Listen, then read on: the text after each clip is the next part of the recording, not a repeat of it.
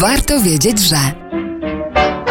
Warto nawet w wakacje wiedzieć, że co najmniej od XV wieku można było się w Europie natknąć, a raczej nadziać na lewaka. Wakacja to jakaś agitacja, pomyślicie Państwo. Ale nie, Boże uchowaj. Lewak to niekoniecznie zwolennik ugrupowań lewicowych czy lewackich.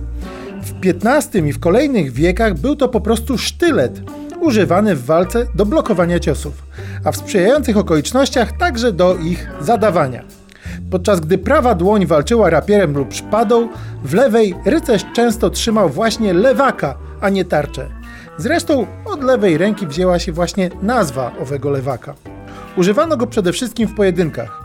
Aby dobrze blokować ciosy przeciwnika, typowy lewak miał duży jelec wygięty w kierunku ostrza.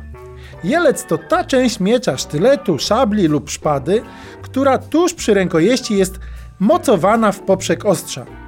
W lewaku jego brzegi, czyli wąsy wygięte na zewnątrz, powodowały, że dłoń walczącego nie tylko była zabezpieczona przed ciosem wroga, ale też nierzadko skutecznie klinczowała jego uderzenie. Jeśli tak, to się da jakoś obrazowo przedstawić. Najdłużej był lewak używany we Włoszech i Hiszpanii. W Polsce był rzadziej spotykany, ale cóż, nie we wszystkim musimy podążać za wzorami z zachodu.